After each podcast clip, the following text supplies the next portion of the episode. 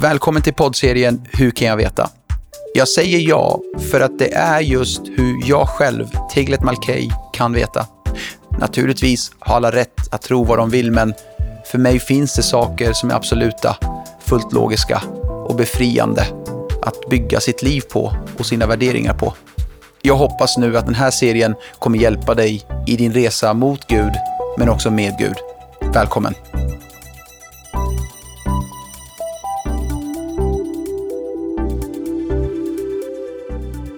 Kan jag veta att Jesus är den enda vägen? Orden ”den enda” är svåra ord för många människor. Det är svåra ord för icke-kristna som säger “Hur kan ni säga att Jesus är den enda vägen?” Men det är också svåra ord för en del kristna som säger “Men tänk om någon är uppriktig i sitt sökande?” och så hamnar de i en annan religion eller uppfattning. Jag kommer svara på de frågorna, men innan det så vill jag bara visa dig två bibelverser som tydligt säger att Jesus är den enda vägen. Johannes 14. Jesus sa, jag är vägen, sanningen och livet. Ingen kommer till Fadern utom genom mig. Apostlagärningarna 4. Hos ingen annan finns frälsningen. Inte heller finns det under himlen något annat namn som givits åt människor genom vilken vi blir frälsta. Det här kallas för exklusivitetsanspråket. På grund av det så har en del valt att inte tro för att man vill ha en mer öppen och tolererande syn. Men om du tänker på det så är alla religioner exklusiva. Vi skulle kunna gå ner till kärnan på dem allihopa och du kan göra det själv genom att studera hinduismen och buddhismen, islam, Mm, till och med agnosticism. Den är också exklusiv i sitt sätt att tänka. Agnostiker säger ingen kan veta men alltså exklusiv i trosatsen att ingen kan veta. Att säga att kristendomen är exklusiv vill jag hävda är en plan kritiker använder för att folk inte ska komma till tro. Kristendom vill jag säga är den mest inklusiva religion som finns. Egentligen gillar jag inte ordet religion eftersom religion är människans försök att komma till Gud medan Jesus är Guds plan att komma till mänskligheten. Men eftersom det klassas som religion så använder jag det ordet. Om man då jämför alla olika världsreligioner så är kristendomen by far den minst komplicerade och mest inkluderande religionen som finns. Det handlar inte om att göra något. Det handlar om att ta emot någon. Efesierbrevet 2 säger det var inte på grund av våra gärningar vi räddades, utan på grund av den gärning han redan har gjort. På två bibelverser som tydligt visar hur inkluderande kristendomen är, är Johannes 1 och Matteus 10. Johannes 1 säger, men åt alla de som tar emot honom ger han rätten att bli barn till Gud. Åt de som tror på hans namn. Matteus 10, den som tar emot er tar emot mig och den som tar emot mig tar emot honom som har sänt mig. För att kunna svara på svåra bibelfrågor behöver de filtreras genom personen som har skrivit Bibeln. Vem är han? Hur är han? Vad har han för slags karaktär och attribut? Innan jag kan svara på de frågorna jag ställde precis och den här frågan, hur kan jag veta att Jesus är den enda vägen? Så behöver du veta några saker om Gud.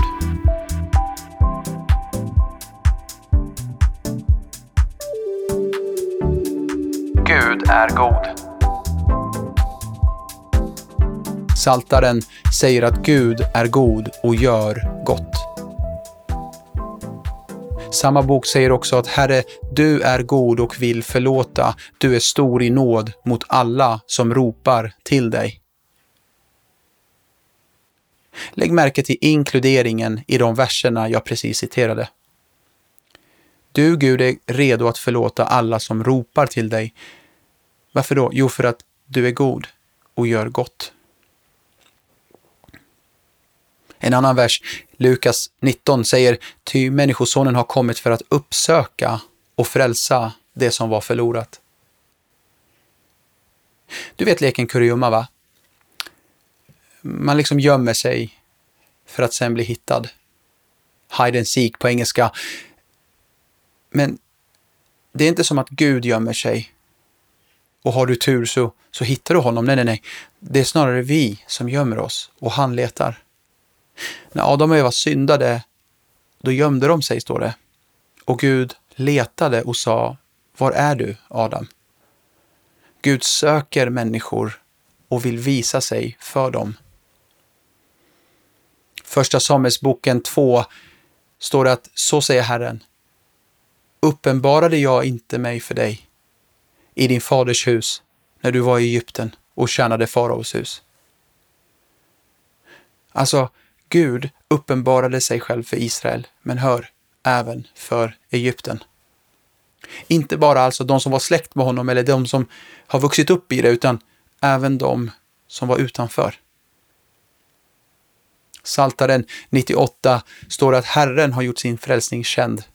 Han har uppenbarat sin rättfärdighet för hedna folkens ögon. Så Gud, han är inte på ett hemligt uppdrag. Gud har gjort frälsningen känd.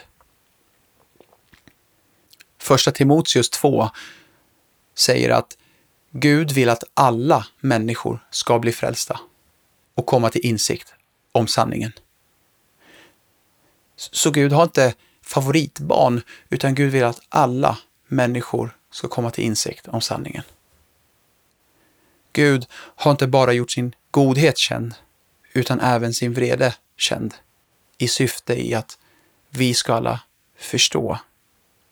Romarbrevet 1.18 talar om det. Guds vrede uppenbaras från himlen över all ogudaktighet och orättfärdighet hos människor, som i orättfärdighet undertrycker sanningen. För det man kan veta om Gud är uppenbart bland dem. Gud har ju uppenbarat det för dem. Ända sedan världens skapelse ses och uppfattas hans osynliga egenskaper, hans eviga makt, gudomliga natur genom de verk han har skapat. Därför är människorna utan ursäkt. Cornelius i Apostlagärningarna 10 sökte Gud. Han bad till Gud. Gud såg det och Gud skickade Petrus till honom för att han skulle få höra om Jesus. Det finns böcker just nu. Exempelvis en bok som heter Persian Springs. Den handlar om fyra iranier. Hur Jesus uppenbarar sig för var och en av dem och alla de blir kristna. De hade aldrig hört talas om Jesus, aldrig gått i kyrkan eller sett en bibel. Det finns en man idag som har, går under namnet, prästnamnet Ali. Han har blivit ganska känd. Han skulle göra sin pilgrimsresa till Mecka och så drömmer han om den sjätte profeten Isa i Koranen. Och så blir han kristen och avbokar sin resa. Det bokstavligen kryllar av vittnesbörd, bland annat i den muslimska världen där människor uppriktigt sökt Gud och funnit Jesus. Ravi Zacharias, han är en av de stora apologeter vi har haft på jorden. Han eh, dog här nyligen.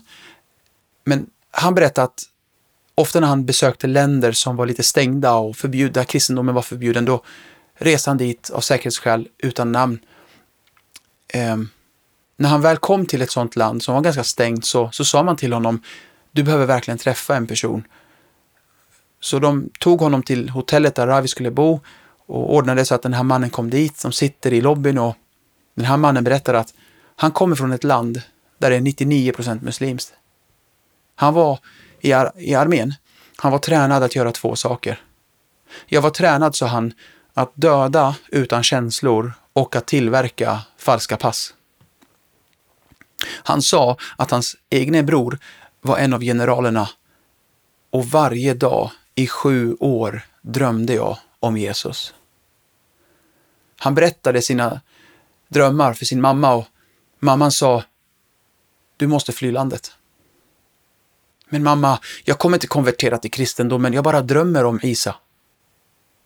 Men om din bror får reda på det här kommer de döda dig. Han flydde till ett annat land och väl i det här nya landet mötte han en kinesisk affärsman som var kristen. Och den här mannen vittnade om Jesus för honom. Och han ville då ta emot Jesus.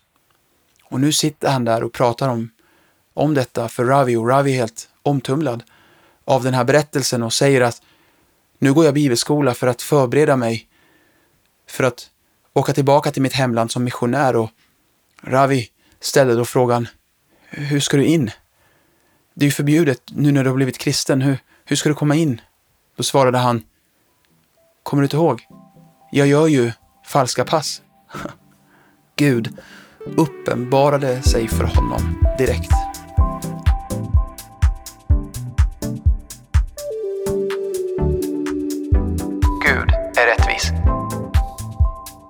Saltaren 119. Herre, du är rättfärdig och dina domslut är rättvisa. Tidigare tog jag bilden av hide and seek, kuriuma. Det är som att Gud har lagt in en regel till i leken. Regeln heter Seek and find. Alltså om du söker honom kommer du att finna honom. Så rättvis är han mot alla. Jesus sa be och ni ska få, sök och ni ska finna, bulta och dörren ska öppnas för er. Jeremia 29, jag vet vilka tankar jag har för dig, nämligen fridens tankar och inte ofärdens, för att ge dig en framtid och ett hopp. Du ska kalla på mig och du ska komma och be till mig och jag ska höra dig. Du ska söka mig och du kommer att finna mig om du söker mig av hela ditt hjärta. Ty jag ska låta dig finna mig, säger Herren.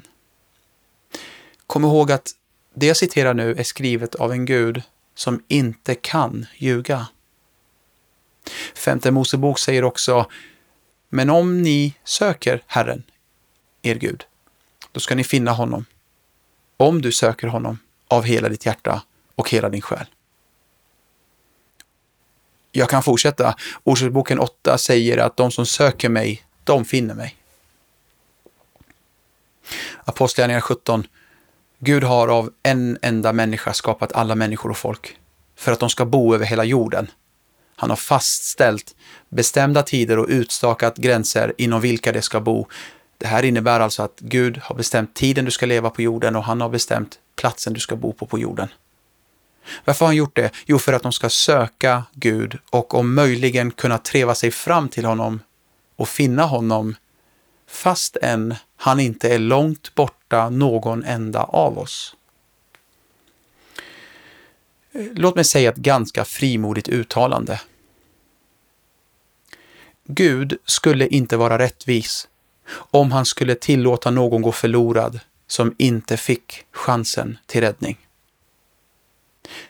Men jag vet och jag förtröstar på att Gud är faktiskt rättvis. När du hittar någonting i Bibeln som du inte kan förstå, till exempel det här, hur kan Jesus vara den enda vägen eller eh, hur är det för dem som inte fick chansen och så vidare. Och så går du tillbaka till Bibeln, lär känna hans attribut, att han är god, rättvis, att om du söker mig kommer du finna mig, att han uppenbarar sig för alla som söker honom. Och hör, det är inte mängden av kunskap du behöver för att nå fram till honom, utan det handlar om intensiteten i ditt sökande och uppriktigheten i ditt hjärta. Att om du söker honom kommer du att finna honom. Så när du hittar något som är knepigt, filtrera det knepiga genom personen som har skrivit boken. Det kommer kasta ljus över ditt frågetecken och förhoppningsvis kan det bli ett utropstecken. Prince Kebu föddes som en prins över en stam i Liberia som kallas för The Crew Tribe. När han var 14 kidnappades han av en annan stam. Varje månad behövde hans pappa skicka gåvor till den kungen där för att kunna få besöka sin son. Efter ett tag slutade man ta emot gåvorna och istället började man misshandla den här lilla pojken varje dag. En dag ropade prins Kebu till Gud och han sa Herre, om du finns, så vill jag möta dig, känna dig. Enligt hans eget vittnesbörd såg han då ett stort ljus och han hörde en röst och rösten sa spring. När han såg sig omkring hade repen han var bunden med ramlat av och dörren öppnats. Han sprang rakt in i djungeln och han levde på sniglar och mango i flera dagar.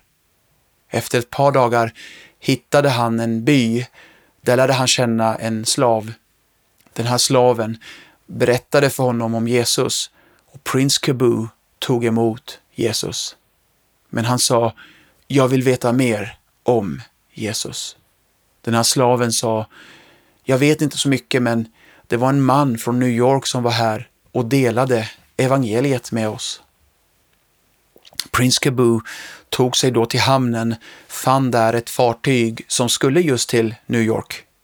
Han bad om anställning ombord för att få en anledning att komma dit. Kapten sa, vi har full besättning, vi behöver ingen. Och just när de står och pratar kommer två anställda till honom och säger, vi vill sluta. Rakt upp och ner. Kapten vänder sig tillbaka till prins Kabu, säger, well, du är anställd. Väl i New York så var det enda han hade var ett namn på den där missionären som hade predikat för den där slaven. De kom i kontakt och missionären tog in honom och han lät honom bo i hans hus och han började undervisa honom och lärjungaträna honom. Den här unge mannen, prins Kaboo, började vinna flera hundra personer till Kristus. Missionären till och med ordnade betalning för honom så att han kunde börja plugga på universitet. Prince kom till Taylor University i Indiana och där kunde han tränas upp till tjänst för att komma tillbaka sen till sitt älskade Liberia som missionär. Han var bara där i två år dock, för han dog av lunginflammation.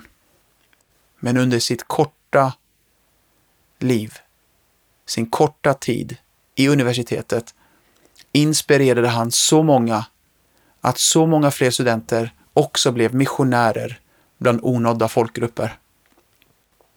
Prince Kabu tog ett amerikanskt namn. Hans namn nu var Samuel Morris.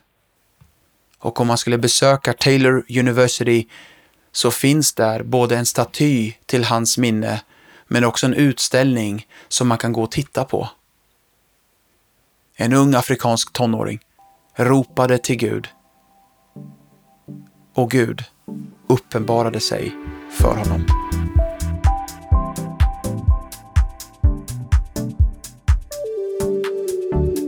Gud är kärlek. Gud inte bara ger kärlek eller har kärlek, han är kärlek. Johannes 3, ty så älskade Gud världen att han utgav sin enfödde son för att den som tror på honom inte ska gå förlorad utan ha ett evigt liv. Inte sände Gud till sin son till världen för att döma världen, utan för att världen skulle bli frälst genom honom. C.S. Lewis, han har sagt There is two kinds of people. Those who say to God, Thy will be done. And those whom God says to, All right, then your will be.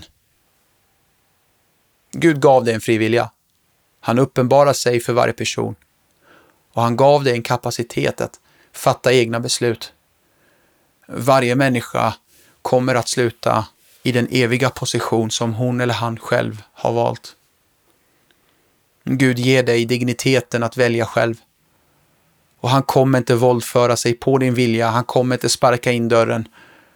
Gud kommer bara till platser dit han är inbjuden. Det är rättvist. Jag vill avsluta del 3 med att ge dig ett lingvistiskt exempel. Jag gillar ord i Bibeln. Jag gillar att titta i grundtexten och ordens betydelse. Och när vi talar så använder vi ord på tre sätt. Entydigt, tvetydigt och analogt. Univocally, alltså entydigt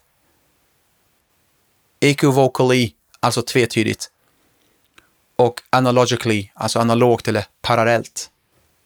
Vi använder alltså ord på tre sätt. Låt mig förklara. Entydigt betyder att man använder samma ord med sam i samma mening och det ordet har samma betydelse.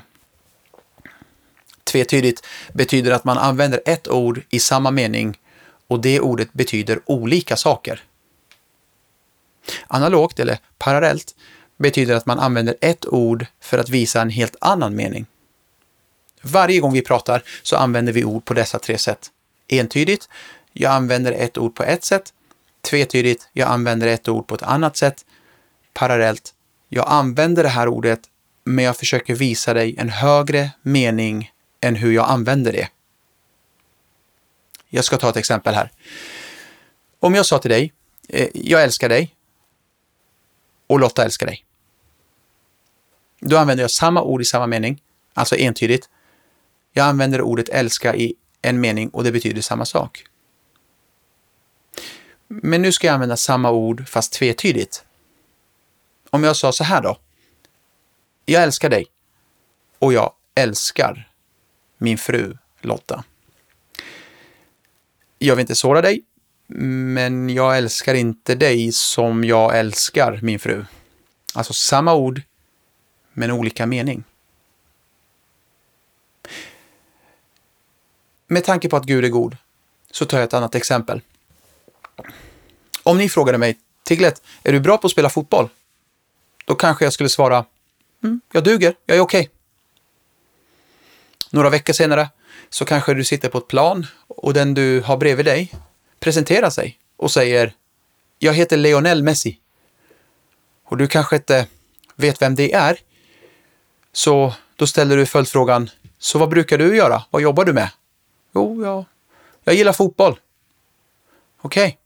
Okay. Är du bra på det? Kanske du frågar. Och ödmjuk som han är svarar han mm, Jag duger. Jag är okej. Okay.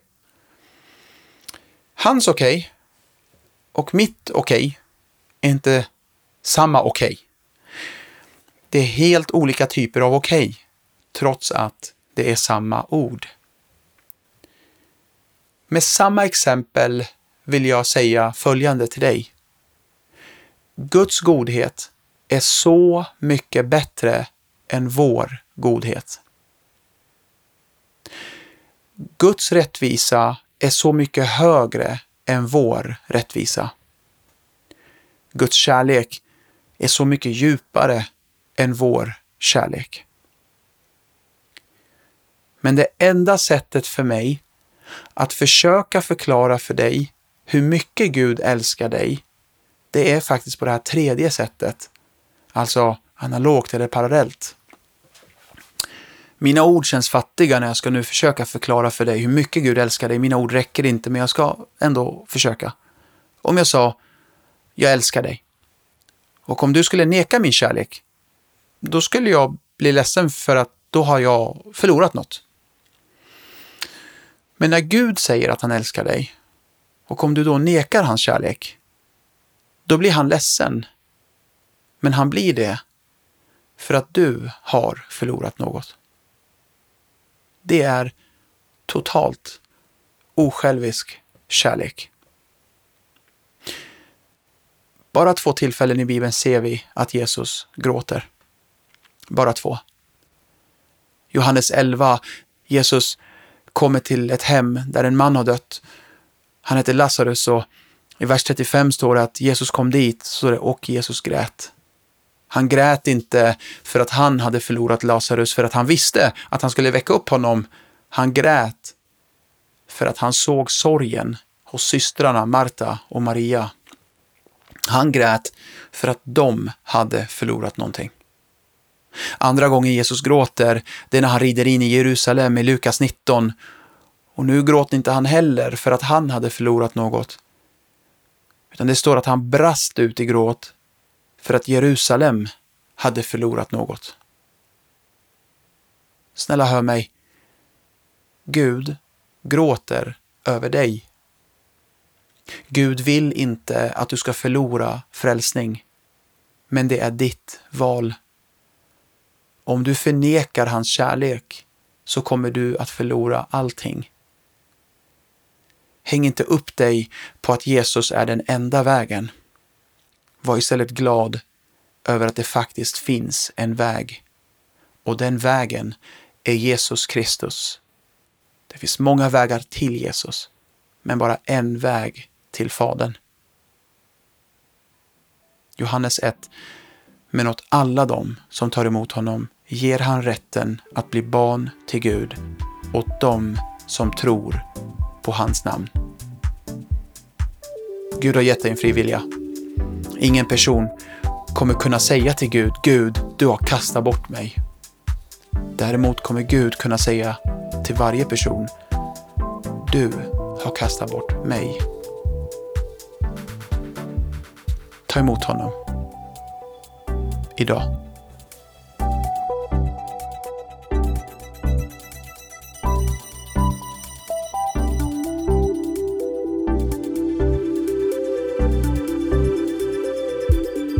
Tack att du har lyssnat. Det här var del tre i serien Hur kan jag veta? Sista delen, del fyra, kommer komma snart och jag vill bara uppmuntra dig att dela det här med vänner, att skicka det runt till den som behöver lyssna på detta. Må det hjälpa dig och dem att växa i relationen med Gud men också mot Gud. Gud välsigne dig.